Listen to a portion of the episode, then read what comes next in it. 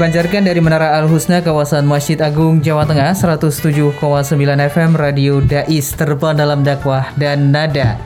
Assalamualaikum warahmatullahi wabarakatuh. Alhamdulillah, alhamdulillah, alhamdulillah. Segala puja dan puji syukur senantiasa kita panjatkan hanya kepada Allah Subhanahu wa taala yang telah memberikan kepada kita semuanya nikmat iman, Islam dan ihsan yang semoga menjadikan kita insan manusia yang pandai bersyukur. Maka nikmat Tuhanmu yang manakah yang kau dustakan? Salawat dan salam tak lupa kita haturkan kepada junjungan Nabi Agung Nabi besar Muhammad Sallallahu Alaihi Wasallam. Allahumma sholli ala Sayyidina Muhammad wa ala Sayyidina Muhammad dan kita berharap syafaatnya kelak di yaumul akhir nanti.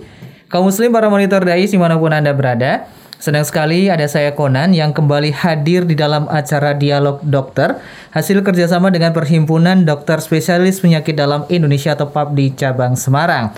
Dan pada kesempatan kali ini kita sudah kedatangan narasumber yang senantiasa kita doakan selalu sehat, selalu berbahagia, selalu bisa mengawal kita sebagai masyarakat agar senantiasa menjaga sebagai uh, ibarat kata adalah utusan Tuhan gitu ya. Dokter Yosef Purwoko MKes SPPD Kahger. Assalamualaikum dok. Waalaikumsalam Mas Kona, uh, para pendengar Dais yang berbahagia. Sehat semuanya ya? Sehat, Alhamdulillah. Kalau dengar suaranya iya. dokter, kadang ada orang tuh langsung yang rasanya sakit bisa sembuh dok. Waduh, moga-moga demikian. Moga-moga demikian ya dok ya. Berkah dari Allah. Iya, alhamdulillah. Dan uh, tentunya juga nih dok ya. Tadi saya bilang bahwa kadang itu kata-kata dari dokter itu sebagai pengobat seperti itu. Dokter yeah. pernah nggak mendapatkan uh, apa namanya suatu apresiasi dan sebenarnya itu memang terjadi atau sugesti atau gimana sih dok? Iya, Mas Konan, terima kasih punya kesempatan ini ya. Baik, ini pertanyaannya menohok nih, Mas Konan dan para pendengar Dais yang berbahagia di rumah, di mana bisa mendengarkan siaran yang bagus ini ya Salah satu fungsi dokter adalah tentunya membantu sesama dalam hal kesehatan dalam hal ini ya. Disebutkan di Undang-Undang Kesehatan itu sebetulnya adalah suatu hak yang paling hakiki lah, Mas mm -hmm. ya. Paling hakiki karena dengan sehat kita bisa mau apa begitu ya. Kita bisa sekolah lebih tinggi, bisa berbakti kepada sesama kalau nanti kita sudah menjadi orang yang memiliki kemampuan, dan semuanya itu kan akhirnya mengabdi kepada Tuhan ya yang Maha iya. Esa.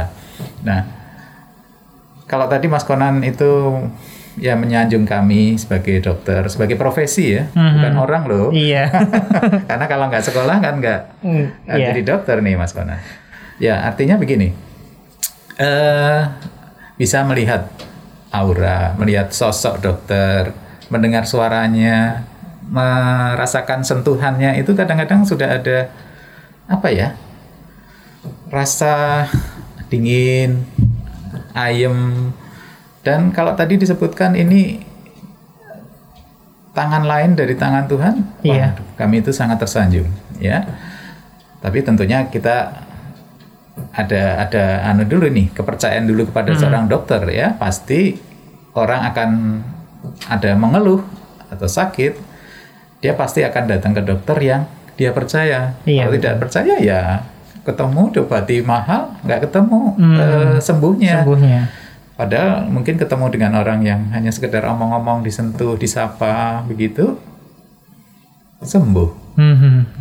Kebetulan saya di bidang lansia ya, iya. geriatri, uh, para pendengar Dais banyak faktor itu ya. Jadi orang tua kalau disapa huh? sembuh Padahal orang tua itu penyakitnya banyak. Iya. Orang selalu akan mengeluh dok setelah pensiun kok jadi penyakitan semua. Yang disalahkan pensiunnya ini. dok kalau anak-anak sudah pindah semua saya sendirian, papa sudah nggak, bapak sudah nggak ada, saya jadi sakit-sakit tuh nih dok. Dia perlu didengarkan ke Mas Konan, ya. Iya. Dan nah ini sapaan kita. Belum nanti kalau kita topik kita ini kan masalah obat yang banyak yang kita sebut mm-hmm. polifarmasi nanti kita masuk ke situ. Orang tua dibebani dengan obat-obat yang mungkin nanti kita diskusi deh Mas Konan iya. ya. Apa itu istilah polio? Ini ini tadi menjawab apakah ini sugesti? Iya. Apakah apa ya istilahnya Iya, ya, betul. begitu. Oh enggak Mas Konan, mungkin kita nanti diskusi yang lain. Iya, ini eh, kita punya pembahasan yang saya ketika membacanya juga bingung dok, karena eh, ini, eh, untuk orang awam pun juga tadi baru tahu setelah googling kan kayak gitu. Oh, iya, iya, Iya, iya. polifarmasi, kan baca kok mengkonsumsi obat yang cukup banyak kan kayak Iya, gitu, betul. 5 sampai 7 Betul. kita aja kadang kalau konsumsi dua aja udah kesusahan gitu kan. Selalu berpikirnya bahwa ini nanti kena organ dalam yang lainnya dan sebagainya, apalagi lansia. Iya. Betul. Sebenarnya polifarmasi itu apa sih dok yang bisa diberikan eh, pemahamannya? Pemahaman ya. Iya, baik. Mas Konan dan para pendengar Dais. Moga-moga ini menjadi pencerahan ya Iya. atau masukan aja deh kalau pencerahan memangnya kami apa itu saya ya karena kami belajar ya begini saya start dulu dari pasien lanjut usia dulu ya Iya, boleh. Ya Hmm. para pendengar jadi pasien lanjut usia itu WHO maupun di Indonesia itu ada batasan usia dulu di atas 60 tahun.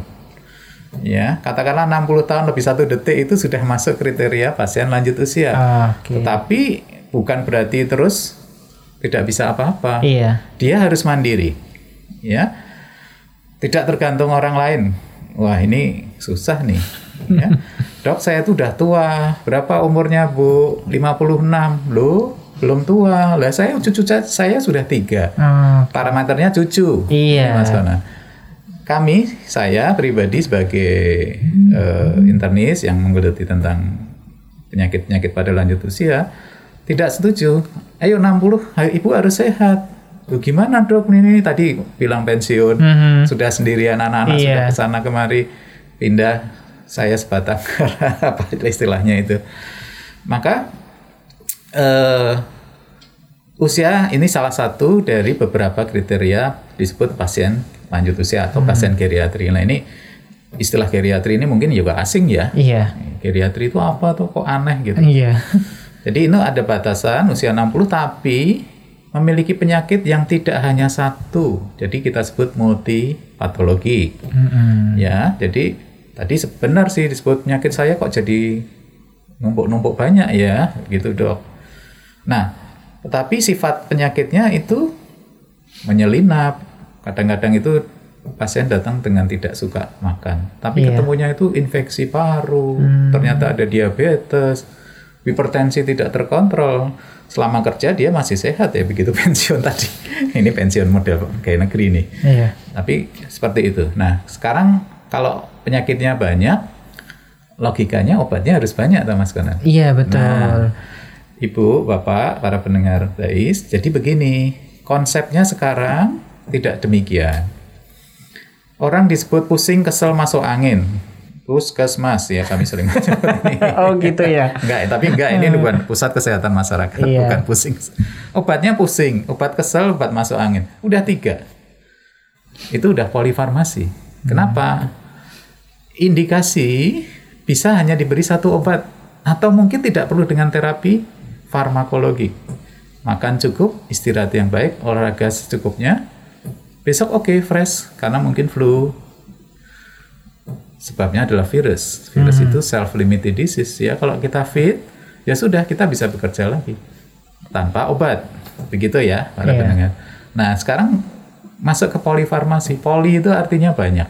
Oke, poli. Ada poliklinik ya. Iya. Poliklinik THT, penyakit dalam, mata, nah disebut poli. Nah, ada satu definisi disebutkan lima tadi ya, ya. Lima kalau ada indikasi, oke. Tetapi itu ada batasan-batasan di mana tadi saya sampaikan pasien lanjut usia, organ tubuhnya sudah mulai kapasitas fungsional sudah turun Udah turun. termasuk ginjal, hati, itu adalah organ yang sudah menurun. Tentunya eliminasi obat yang dimakan Iya. itu ditapis oleh organ itu yang sudah kemampuannya pasti turun. Turun. Itu la- alamiah itu. Nah, bagaimana kalau obatnya itu banyak-banyak? Pasti akan membebani kedua organ itu terutama, ya. Tetapi ada satu definisi baru atau lain ya. Kalau diberikan satu obat tanpa indikasi, jadi tadi udah lima nih, Hmm. tambahi satu deh ya. biar 6 dong ya, seperti pemain voli aja. Iya. Masa 5 kayak basket gitu Iya. ya. Itu sudah merupakan polifarmasi. Satu obat tanpa indikasi yang diberikan kepada pasien lanjut usia itu sudah kita sebut sebagai polifarmasi. Oke, satu obat tanpa indikasi yang dimaksud yang seperti Nah, apa, Dok? gini. Dok, dokter Konan ini ya. Saya itu sakit demam. Hmm. Satu ya, demam Iya, ya. demam. Batuk pilek. Ya, Dok, gitu ya. Dua gitu ya. Ah, sudah berapa hari? Tiga hari. Ini ini contoh supaya kita bisa anu ya, Mas Konan ya. Iya. Demam, batuk pilek, diare, ya diare, ya. Kapan? Sudah seminggu yang lalu. Tapi sekarang sudah mulai baik, gitu ya. Sudah tiga nih dihitung sebagai satu problem ya. Satu, dua, tiga. Nah, tentunya dokter akan memberikan tiga obat nih. Obat diare ini ya Bu, sehari tiga kali. Padahal sudah nggak diare. Iya. Itu sudah tidak ada indikasi. Ini sudah polifarmasi ya. Bu, saya aturi vitamin. Untuk apa dok? Ya supaya lebih segar Lebih dong. segar, sehat. Nah, supaya sehat. Ini kalau tidak ada indikasi, itu sudah memerlukan polifarmasi. Walaupun ini ada indikasi menambah semangat, menambah sehat, mungkin vitaminnya hilang selama dia diare dan sebagainya. Tapi kita mesti harus ada bukti sebetulnya, mas. Vitaminnya kurang itu dari mana? Wong cuma diare sekali tapi sudah seminggu yang lalu. Dalam waktu sekarang ini mungkin dia sudah baik. Ya, kira-kira indikasinya seperti itu. Kalau memang dia perlu berikan, kalau tidak perlu jangan diada-adakan dengan terapi-terapi yang akan membebani organ lanjut usia yang sudah decline penurun itu. Itu natural kok, ya. Jadi sekalian nambahkan ya tujuan kita memberi pelayanan kepada para lanjut usia. Lanjut usia itu sebetulnya yang kita mesti hormati, Mas Kanan. Mhm. Kalau tidak ada beliau, nggak ada kita. Betul sekali. Nah, bukti pelayanan kita ke ibu bapak kita itu apa bisa ditaker toh? Iya.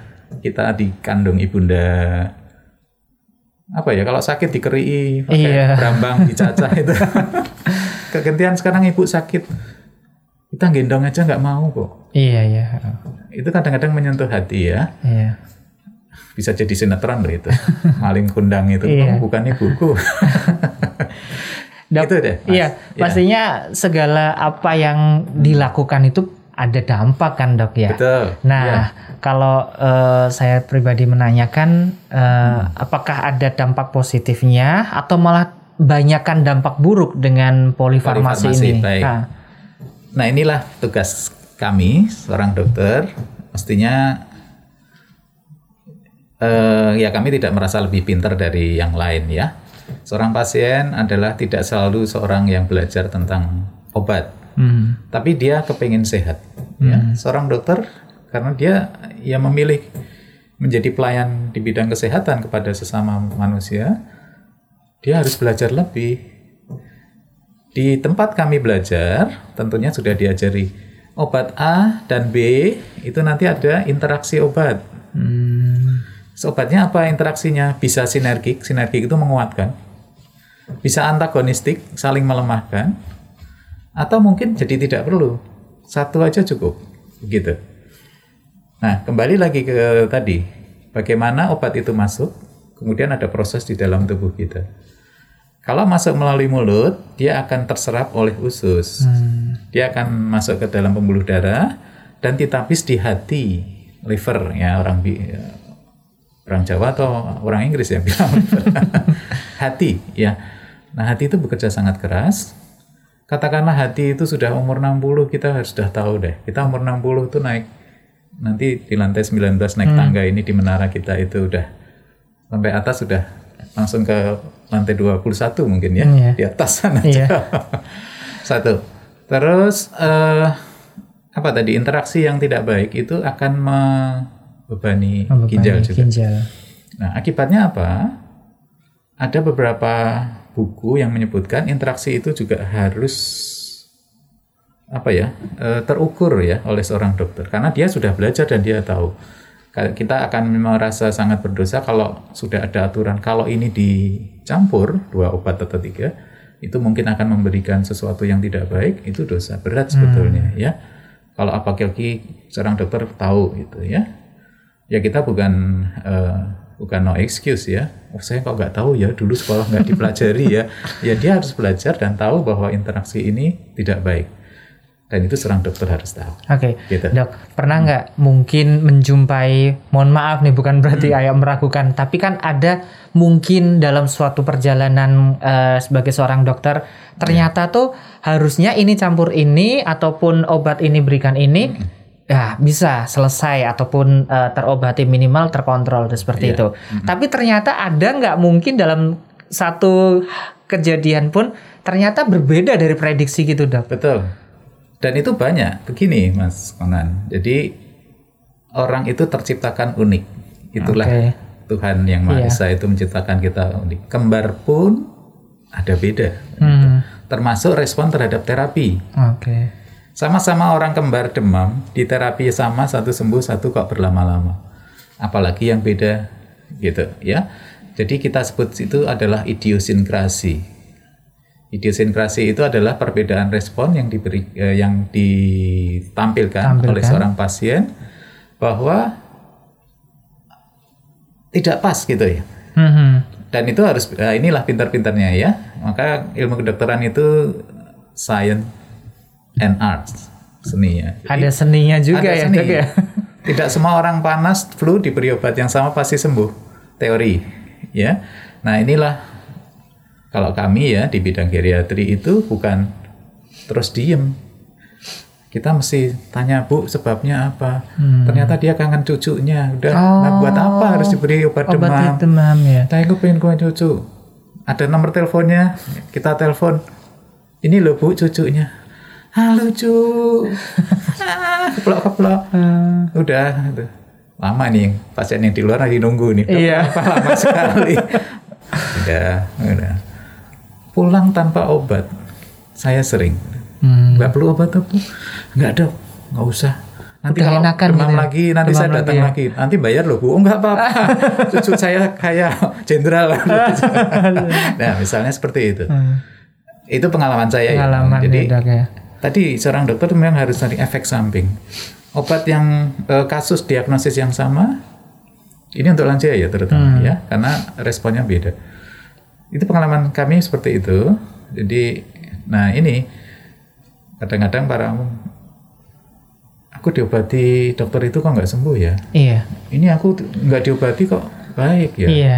Yang dijak omong itu ada. Oke. Karena penyakit, nah tadi penyakitnya endogenes dari dalam diri, Dalam diri. bukan infeksi selalu Iya. begitu.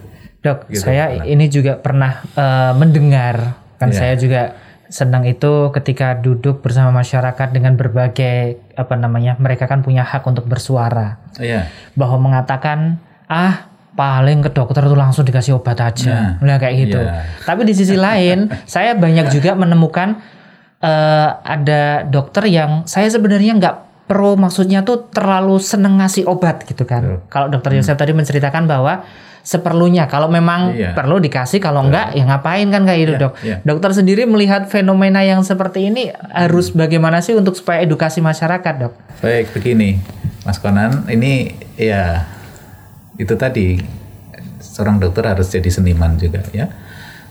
Ada pasien yang hobinya makan obat. nih nih kayak nyemil Benar. gitu dok Dok kok cuma tiga? Lah kenapa Bu ini kebutuhannya seperti ini? Nah, Ah. ini harus menjelaskan. hmm. Dan ini karena pasien rutin, tiap Iya. bulan saya tidak pernah eh, apa ya istilahnya berhenti untuk menjelaskan. Dan tiap bulan mesti kontrol kontrol. Ah, Akhirnya suatu saat, dok, kalau dokter X itu obatnya ini dok, tujuh nih, ada tulisannya itu ya. oh, oke oke Bu, ini kan sekarang ke saya tuh bu, nggak ke Iya. dokter itu. Iya dok, dokter itu udah pindah. Ah. Malah saya dengar meninggal dok. oh Iya, iya, iya, iya. Ibu mau nyusul ke dokter itu. Ada- ada. Yo enggak tuh dok, ini saya mau sembuh. Oh. Nah, ini ini just, just cerita anu ya, eh, nyata ya Iya. seperti itu. Bu, obat ini dengan ini sekarang ibu tidak perlu. Dengan satu ini sudah terkontrol misalnya tensinya. Tapi ya tetap masih ada ya eh, image orang eh, pasien kita, Iya. "Dok, obatnya mosok dari tujuh menjadi tiga gitu. Buat ditambahin tadi. nah ini penting sebagai dokter itu tadi saya bilang dokter itu jangan diem ngasih obat ngeresepi. Udah itu tidak tidak seperti itu ya. Ini autokritik buat kami Iya. teman sejawat kami juga. Ayo toh diajak ngomong khususnya untuk pasien lanjut usia. Mungkin beliau itu tidak bisa bicara langsung karena sulit karena era dan pola pikirnya kan beda. Kan ada yang menemani, Iya. bisa. Nah, kami menyebut itu alo anamnesis. Nah, inti auto anamnesis itu bertanya kepada pasien nih, kalau alo itu gimana, Ibu? Ya, Dok, itu kalau serumah, padahal tadi anaknya itu udah di mana-mana. Hmm. Di mana-mana, Jenderal ya. di mana-mana. Hmm. Ya, jadi nggak pas ini. Iya, Nah, oke. itu. Nah, berarti eh, ketika apa namanya terjadi polifarmasi ini ada syaratnya berarti, Dok. Tidak pastinya oh ini udah semua pasti polifarmasi. Apa saja yang ibarat kata eh, dokter pasti agak berat juga ya ketika ini harus polifarmasi karena mengkonsumsi Betul. obat yang banget banyak Iya, ya, Dok iya, ya. iya. Jangan sampai juga ada orang yang berpikiran, saya pun juga berusaha juga menepis bahwasanya ini tuh dokter, mohon maaf nih dok ya, namanya juga pemahaman dan fungsi dari dialog dokter ini adalah semakin memahamkan bukan hanya saya tapi juga pendengar Iya. supaya bahwasanya dokter itu udah berjuang. Makanya kenapa tadi saya mengucapkan mendoakan karena benar-benar kami itu eh, apa namanya bukan menggantungkan sepenuhnya tapi sebagai utusan Tuhan yang saya Iya, bilang tadi. Jadi bisa lebih saling percaya kalau saling percaya saya pikir bahwa kita semuanya bisa bahu membahu untuk sehat bersama. Betul. Nah, mengatakan bahwa dokter itu tuh jualan obat, Dok. Wah, ini, ya, Dok ya, yang mau. betul. Baik. Ya ini kalau ada kritikan seperti ini, moga-moga ada teman-teman sejawat saya juga Hmm. mendengarkan, begitu ya. Dulu ada yang namanya dispensing. Dispensing itu dokter menyediakan obat Hmm. di tempat dia berada. Sangat logis kalau dia akan beli ke kota, Mhm. apoteknya di kota, perjalanannya jauh, padahal ini obat ini perlu, Hmm. ini sangat logis diberikan, ya. Tetapi tentunya kembali lagi tujuannya apa? Membantu, Mhm. menolong, Menolong. kemudian apakah mencari untung dari Iya. tanda petik ya dispensing atau jualan obat. Nah, sekarang sepertinya kalau di kota-kota yang agak besar atau transportasi kan sudah sudah apalagi sekarang ada halodoc Iya. online itu bisa dibantu dengan seperti itu. Tentunya ada fee koanter dan sebagainya. Iya. Sehingga saat ini mungkin hal itu sudah mulai kita tepis. Tepis, ya. Tetapi bukan berarti tidak ada. Masih ada pada daerah-daerah yang pasti tidak bisa dijangkau oleh mereka. Iya. Tidak mungkin, ya. Kalaupun ada obat-obat yang tidak tersedia di kota itu dan dia mengusahakan, misalnya dari kota lain dia harus bawa begitu ya, itu masih dimungkinkan, ya. Dan itu pasti mengandung syarat-syarat ikatan dokter. Ikatan pasti dokter. dia punya aturan main dan Iya. sebagainya. Eh, silahkan masyarakat kalau mau komplain Mhm. itu boleh kok kita memiliki sarana itu itu kan dokter jualan sekali yang nu kok satu juta Iya. misalnya gitu. tapi mungkin bagi masyarakat uang segitu itu banyak loh menurut saya loh Iya. tapi kalau kepengen sembuh itu meh apa nah ya mas Iya. apalagi loh apa pun ditempuh kok Iya. tapi kembali lagi moga-moga itu tidak terjadi ya disebut dokter itu jualan obat kecuali dia memiliki apotek Iya. dan apotek itu legal Iya. pasti dia akan dipantau oleh balai pom dan sebagainya Oh.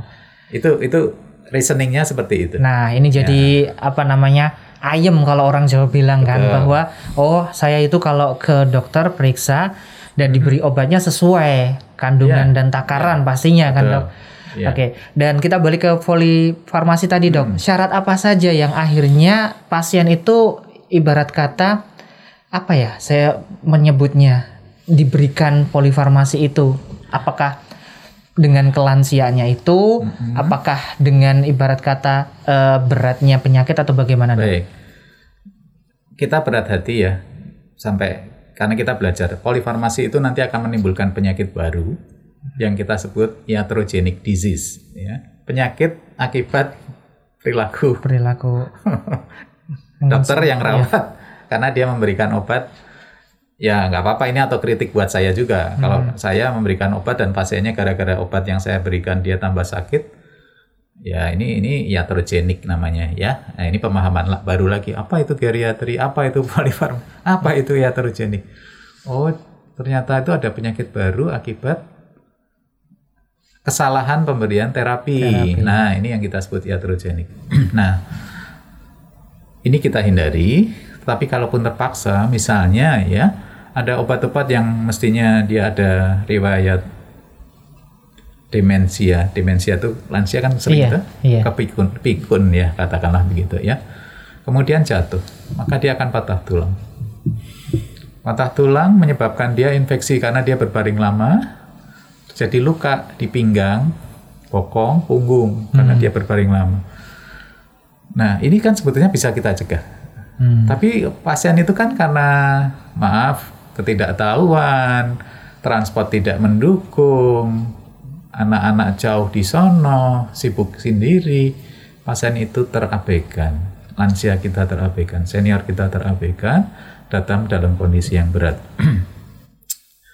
Di- Diagnosisnya jadi 17 nih mas, gara-gara dia demen, terhuyung-huyung, jatuh, Iya, jatuh. tensi tidak terkontrol, Hmm. patah tulang, menyebabkan dia tidak bisa berjalan, dia Iya. harus berbaring lama, terjadi luka, infeksi. Infeksi ternyata dia punya diabetes, infeksi menyebabkan gulanya tinggi, wah sudah tambah akhirnya datang dengan kesadaran yang turun. Itu udah, ya, saya selalu bilang kalau pada murid ini diagnosisnya itu udah 17 belum nih? 17 itu maksimal apa gimana oh dok? enggak, minimal itu. Oh minimal, nah 17. Maksudnya problemnya kok tidak hanya satu ya? Hmm. Bikin diagnosis satu aja udah pecah kepala ya. Iya. Obatnya akhirnya akan banyak. Ya, tapi dengan keterpaksaan bahwa kita harus memilih satu obat dengan beberapa indikasi. Hmm. Misalnya ya, pusing kesel masuk angin tadi. Udah obat satu. Berarti udah cover tiga. Hmm. Berarti kalau ada 15 atau 17 diagnosis, coba cari obat yang memiliki indikasi, Indikasi. yang tidak hanya satu. Oke. Nah, ini ini yang nah, pintar-pintar lagi kan? Iya. Dia harus eh, istilahnya ilmu farmakologinya dia harus main ini. Di samping diagnosis pasien dan seni, nah ini seni ngemong pasien, ngemong keluarga pasien yang sering pengen tahu lebih banyak. Kira-kira ini yang yang nggak nyaman. Bisa diselamatkan nggak dok? Hmm. Nah kenapa? Ini usianya udah 80 loh dok. Oke. Bonus nih dok. Loh jangan berpikir begitu. Kita openi sampai memang kalau memang Tuhan berkehendak lain ya. Iya. Jangan dilepas, jangan diabaikan, jangan di neglected itu apa ya? Eh, terlantarkan. Iya. Balik lagi filosofi tadi, kalau nggak ada beliau, kita nggak ada. Iya. Iya jangan Gitu. sampai sebenarnya kalimat itu tidak pata- pantas ya dok ya untuk diucapkan Iya. ya. Mungkin kalau berpikir positifnya mungkin eh, si anak itu sudah apa namanya apa ya berputus asa mungkin seperti itu. Betul. Tapi pesannya untuk kita yang masih mempunyai orang tua Hmm. ya kita jaga terus sampai apa namanya kehendak Tuhan untuk memanggilnya kan seperti itu.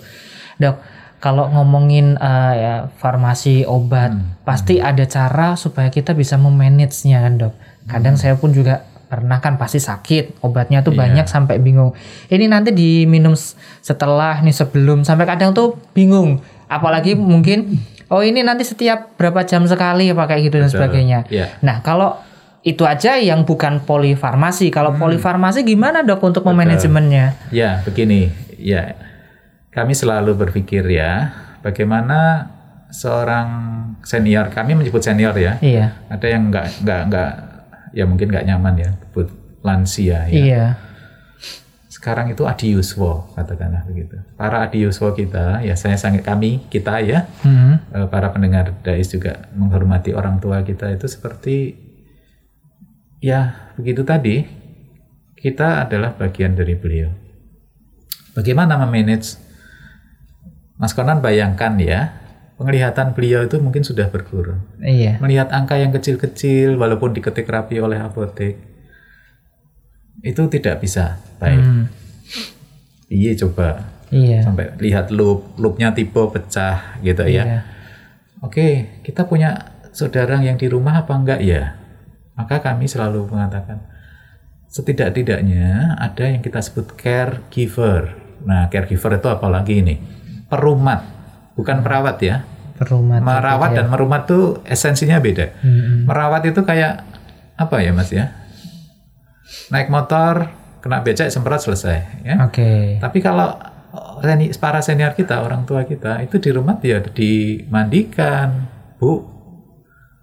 Sing dirasake opo gitu ya. Dahar ya, Bu. Mau gitu. Ada apa ya ini? Hmm. Sering tadi yang saya sampaikan nggak mau makan ternyata dia infeksi. Dan infeksi tidak seperti orang muda, Mas, Konan, para pendengar Dais. Pasti panas gitu nggak? Di lab sel darah putihnya tinggi itu semuanya normal dicek. Nah, tapi diagnosis inilah yang menyebabkan orang yang belajar tentang ilmu geriatri itu harus sensitif. Ini infeksi. Saya harus berikan terapi. Terapinya tidak hanya satu. Jadi satu harus ada orang yang merumat, Merumat dia. ya. menemani, Hmm. menemani bukan Bu darahnya su- sudah saya siapkan ya Bu, ambil sendiri enggak? Ini disiapkan dan sebagainya. Tapi orang yang mandiri, tujuan dari pelayanan geriatri itu orang itu lanjut usia sampai kapan waktunya, Iya. bukan urusan kita, tetapi dia harus mandiri. Yang kedua, tentunya itu tadi polifarmasi kan mempengaruhi, Mas. Obat lima itu bingung. Itu terus akhirnya diminum semua, orang datang karena koma. Loh, apa obatnya? Lah ini obat lima ini diminum ya, gula darahnya drop. Hmm. Orang datang dengan koma itu kalau ketahuan kalau nggak ketahuan ya titik ya, Mas. Iya. Habis koma kan Iya. titik koma titik itu. Nah, wah, ibu sudah yuswa kok. Padahal enggak sebetulnya. Ini kesalahan obat. Nah, tadi yang disebutkan harus ada orang lain, obatnya tidak boleh terlalu banyak dan jelas indikasinya. Kami sangat tidak suka kalau saya pribadi kalau memberi obat menyebabkan orang itu jadi tadi ya terjenik ya Iya. obatnya terlalu tinggi dosisnya bukan karena tinggi tepat dosis tapi cara minumnya yang keliru Hmm, cara minum cara ya. minumnya ini atau cara menyuntikkan kalau ini insulin ya apalagi kalau pikun ya. Iya. maaf ya. Habis disuntik mestinya harus makan. Eh habis disuntik ada tamu. Halo ya, halo cucu. Terus lama-lama diem. Aku ulcesan ya. Terus pingsan koma. Hmm, Nah, ini kan mestinya dia sudah diberi penjelasan, Iya. tapi eh, setelah suntik karena ada tamu atau cucu lupa makan. Seperti itu contohnya dan banyak contoh yang lain Berarti titiknya di sini adalah ada yang ngerumat dan Ya. tahu eh, mengkonsumsi obatnya yang seperti apa, yang sesuai di apa Petunjuk. namanya di petunjuknya ya. Iya, Oke. Karena banyak sekali ketika eh, apa namanya eh, para senior ini Hmm. ya pastinya lihat obat aja sampai gitu kan Iya, dok, betul. kan kayak gitu. Terus eh, bagaimana langkahnya? Jadi Hmm. memang sekali lagi peran keluarga sangatlah besar ya dok ya. Betul. Nah, inilah keluarga ini menjadi tempat yang hangat kita berada. Kita masih di negara timur, Mas Konan. Iya. Jadi kadang-kadang itu sangat menyentuh ya. Hmm. Dok, tempat anti jompo itu di mana? Loh, ada? Itu saya mau titipkan aja. Lah kenapa? Lah, lah, lah, lah, lah, lah, itu tadi yang saya dengernya aja apa ya saya sampai nggak tega saya pernah juga dok eh, Iya. apa bapak sudah meninggal eh, Oh. tinggal bunda saya dan saya per- sering ya berjanji mengingatkan diri saya terus kadang kan saya lupa gitu kan pokoknya nanti kalau eh, apa namanya mungkin bunda udah pensiun ataupun eh, tidak ada adik yang ngerawat saya akan harus kan seperti itu karena eh, ini juga yang sambungan menjadi pertanyaan dok Iya. apa namanya ketika sudah menua para senior Hmm. kita itu kembali ke tingkah laku anak-anak Iya. itu saya ingin mendengar langsung dari dokter eh, fenomena itu mungkin secara kesehatannya tuh bagaimana penjelasannya Oh. sih dok? Baik, ya ini agak di luar palifarmasi ya. Iya. Baik. Saya mempunyai gambar yang atau mungkin kita download ya. Waktu kecil kita gendong, kita itu digendong ibunda, tapi pada saat ibunda itu sakit kita ganti yang gendong. Iya. Itu ada foto yang bagus itu. Kita mampu nggak seperti itu, ya? Saya pikir sampai sekarang muka-muka ya sudah mulai ya anak-anak yang ngopeni orang tua sehingga orang tua itu kan akhirnya seperti grafik, ya. Kita dilahirkan tidak punya, ya paling lemah itu kan orang bayi ya. Mau dibanting itu kan mau apa dia? Orang tua lanjut mau dibanting ya udah tidak bisa melawan. Tapi dalam perkembangannya dia menjadi kuat sehingga dia berangkat, merambat, berjalan, berlari, lompat, akhirnya kembali lagi. Lompat jatuh, patah tulang, nggak bisa berjalan, dia harus ngelesot, ya. Kadang-kadang kita harus apa? Patah dua-duanya kita harus gendong. Itu fisik, ya. Belum lagi nanti psikolog atau psikiatrik aspek kejiwaannya. Hmm. Ya tentunya kita tidak berharap begitu. Fenomena itu memang ada, ya, dan memang harus begitu, ya. Tetapi, nah ini generasi kita ini, Mas Konan, atau generasi anak-anak kita, ya, milenial katakanlah yang lahir 2000, kita mesti sudah paham, kita harus menyiapkan mereka supaya kelak dia tetap mandiri. Sekarang kan gizinya itu baik, Hmm. kesadaran tentang kesehatan bagus, pelayanan tentang kesehatan baik. Beda pada saat ibunda yang yang kita dulu lahir makan susah, perang, wabah tidak terobati dengan baik sehingga masa tuanya itu jadi rentah. Nah, ini yang moga-moga ini menjadi apa ya? masukan buat para pendengar DAIS ya. Jadi ayo sekarang kita siapkan generasi di bawah kita. Kita sudah paham nih. Kita juga akan menua, tetapi saya tidak tergantung orang. Apalagi anak-anak kita. Disiapkan nutrisinya oke. Kalau infeksi segera ke dokter, tidak makan obat sembarangan. Kita jangan terbohongi dengan iklan-iklan yang sesat tanda petik karena sebetulnya ilmu kedokteran itu pengobatannya berdasarkan bukti bukan asumsi, Asumsi. bukan testimoni. Ah, bagus, bagus banget Nah, dok. monggo, ini para pendengar. kami bukan berarti mencari musuh untuk konfrontatif ya, Iya. tapi ini kami berdasarkan bukti ilmiah dan pasti semuanya itu berdasar pada ya kita itu manusia itu apa yang kita bisa bagikan kepada sesama ciptaan Tuhan yang Maha Esa ini. Iya. Gitu, Mas Iya, polifarmasi itu sebenarnya apa harus semua bergantung dengan obat dok? Hmm. Apakah mungkin bisa diganti dengan terapi atau Nah. hal lain gitu dok? Betul. Ilmu geriatri menye- me- kalau kami ya, Iya. saya pribadi menempatkan terapi farmakologik itu sejajar dengan nutrisi. Hmm. Jadi makan makanan yang baik tentunya, sehat, sesuai porsi, kebutuhan dia. Ginjal yang sudah menurun fungsinya itu kita akan mengurangi beban protein, itu number one. Jadi kami menyebut itu terapi farmakologi. Hmm. Farmakologi itu dengan obat-obatan. Obatan sekarang bisa yang kimia dan non kimia ya. Non kimia ya. Fitofarmaka kita sebut. Orang bilang herbal, Herbal. gitu ya. Mhm. Herbal itu bisa dibuktikan kok. Ya, kalau memang dia punya zat yang aktif, kenapa tidak? Hmm. Ya, saya sendiri sedang meneliti untuk kasus diabetes pada lanjut usia ya. Tentunya efek sampingnya akan rendah Hmm. terhadap fungsi ginjal kita. Yang kedua, ya pokoknya bagi dua ya.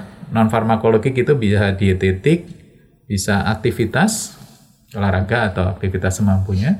Kemudian terapi obat. Obat itu bisa yang eh, fitofarmaka dari herbal atau memang ada obat-obat sintetik Sintetik. ya. mirip dengan eh, itu.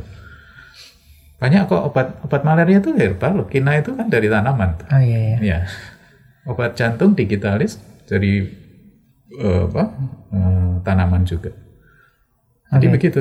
Kita Iya. punya tanaman banyak yang kita Bisa. bisa bisa buktikan Iya. itu dipakai. Nah, Iya, gitu. berarti tidak menutup kemungkinan yang namanya eh, obat itu Mm-hmm. bisa terbantukan dengan perkembangan teknologi tercipta keefisiensinya Iya. yang ibarat kata tadi dokter bilang tiga penyakit jadi satu obat siapa tahu nanti berkembang lagi Lebih. tidak menutup kemungkinan ya Iya. dok empat lima penyakit itu di dalam satu butir mungkin Betul, seperti itu betul. ya dok ya Iya. Oke, dok, eh, seru banget, menyenangkan banget. Tapi ketika ada mungkin para pendengar yang ibarat kata eh, pingin tahu ada informasi lebih berkaitan tentang polifarmasi Hmm. mungkin bisa informasi ke mana nih dok? Baik. Nah, begini. Saya mau cerita yang disebut tim geriatri ya, Mas Iya. Ya. Tadi kita sudah bicara pasien geriatri itu apa, ya? Kita udah bicara tadi usia 60 dengan penyakit yang tidak hanya satu, banyak loh penyakitnya. Jangan nyalain apa-apa. Iya. Kedua, tim geriatri. Tim geriatri itu sebetulnya salah satu anggota tim kami. Tim ini dipimpin oleh seorang geriatrician ya, seperti saya di Semarang itu ada tujuh. Hmm. Jadi dia internis yang belajar lagi eh, khusus untuk ilmu geriatri. Jadi dia memimpin beberapa dokter untuk mendapatkan diagnosis yang lebih mengerucut. Hmm, Oke. Dengan mengerucut kan terapinya lebih tidak banyak. Iya. Satu. Tapi kalau seperti ini kadang-kadang itu ya kita seniman ya, kadang-kadang lupa ya manusia. Kita mempunyai farmasis. Farmasis itu dia sekolah farmasi dan dia mengingatkan kami karena dia masuk ke dalam tim farmasi geriatri. Dok, dok ini kalau obatnya tambah ini nanti akan mengurangi efisiensi efektivitas loh. Dok. Oke. Oh, ya ya. Terus ada usulannya nggak? Dok diganti ini aja. Dosisnya berapa? Eh, severity penyakitnya atau keparahannya seperti apa? Karena ada tiga sediaan misalnya Iya. ya. Dokter tidak belajar se- sejumlah berapa sediaan ya. Pokoknya obat aktifnya apa? Kami belajar seperti itu. Tapi ternyata ada yang 2 mili, ada 3 atau 4 mili. Nah, kita bisa milih. Nah, informasi itu bisa ditanyakan ke farmasi, ya. Farmasi itu apotek, apoteker, Apoteker ya. apoteker tentunya. Atau asisten apoteker yang sudah pasti tahu interaksi antar obat. Tapi tentunya begini, kita jangan membeli obat langsung ke apotek tanpa mengetahui diagnosis. Oh iya iya betul. Kembali lagi tadi, apa bu sakitnya mbak? Saya pusing, kesel, masuk angin, kesleo, gatal kulit, Nah, obatnya lima udah. Padahal satu obat cukup, ya. Iya. Ibu mandi aja pakai sabun, Iya. air hangat, selesai, tanpa Selesai. obat, misalnya, misalnya begitu. Tapi kembali lagi ya, ini kita nggak jualan obat lagi nih. Kalau nggak seperti itu nggak laku obat kita. Jadi begitu Mas Konan. Eh, boleh kami selalu membuka di, di Rumah Sakit Karyadi, kami memiliki pavilion geriatri lansia. Oke. Beberapa rumah sakit sudah memiliki konsultan Konsultannya ada ya masing-masing ya. geriatri, ya. Kami itu hanya bertuju di Semarang. Ya siapa tahu lah dokter-dokter yang mungkin biskut mendengarkan bisa sekolah ya, yang di dalam dan berminat ngopeni para senior Iya. kita ini. Satu lagi Mas Kanan ini dan para pendengar. Orang tua kita tuh sekarang sudah banyak loh. Hmm. Anak-anak yang kecil kan sudah mulai jarang nih. Iya. Coba kita mesti saya oh, ayah saya bertiga belas, saya bertujuh, saya punya anak dua. Anak saya mungkin nggak mau punya anak gitu. Jadi suatu saat negara ini jadi negara lanjut usia. Lanjut. gitu ya dok. ya. Nah, gimana gitu kalau perang pegang senjata lanjut usia nggak bisa. Jadi ada beberapa negara yang sekarang udah loh, kamu punya anak kita sekolahkan setinggi tingginya. Itu ya implikasinya seperti itu. Dan pertanyaan terakhir tentunya pesan apa dok yang bisa diberikan kepada masyarakat berkaitan tentang Baik. pembahasan ini dan mungkin pesan kesehatan lain. Silahkan dok. Iya. Topik kita adalah polifarmasi terutama pada lanjut usia. Sebetulnya tidak hanya khusus pada lanjut usia, kita memberikan obat itu sesuai indikasi. Satu, ya. Yang menentukan diagnosis tentunya adalah seorang yang sudah belajar expert. Kami tidak menyebut hanya seorang dokter, ya. Eh, tenaga kesehatan tentunya sudah diajari seperti itu. Tapi hak untuk melakukan diagnosis, hak memberikan terapi secara legal itu ada undang-undangnya. Jadi para pendengar Dais tentunya kita harus eh, konsekuen ya. Yuk kita harus mengurangi terapi yang tidak apa ya tidak perlu, tidak berlebihan sehingga harus sesuai indikasi. Kenapa begitu? Karena kita mencegah terjadinya penyakit baru akibat perilaku kita lah tanda petik ya Nanti kalau ny- nyalahkan tenaga kesehatan nanti salah semua kita. Jadi, perilaku kita semua ya, termasuk kita mengobati diri sendiri, kita harus benar-benar tahu indikasi ada efek-efek lain dan interaksi obat terhadap tubuh kita. Jangan a priori terhadap terapi, tapi tidak berlebihan terhadap terapi yang dikonsumsi, Konsumsi. terutama ini kita bicara tentang lansia. Saya kira itu kalimat terakhir closing remark Iya. Mas Konan. Moga-moga masyarakat bisa paham. Oh, itu toh. Ah, gitu. Iya, Ya. dok. Sebenarnya masih banyak lagi ya, ya dok yang Iya. akan disampaikan, tapi terbatasnya waktu juga. Dan semoga nanti Dokter Yosef beserta tim juga tetap bisa hadir di sini untuk Iya. mengedukasi masyarakat supaya kita juga sehat badan, fisik dan semuanya sehat dan kita selalu berdoa semoga pandemi ini benar-benar berakhir ya dok ya. Betul. Oke. Iya, ini pandemi ini memang aduh nambah-nambah lagi Iya. pikiran kita. Terima kasih untuk para pendengar Dais di mana pun Anda berada. Saya Konan beserta Dr. Yosef menutup perjumpaan acara Dialog Dokter untuk hari ini. Dan kita akan berjumpa lagi di kesempatan lain lebih berbahagia. Wassalamualaikum warahmatullahi wabarakatuh.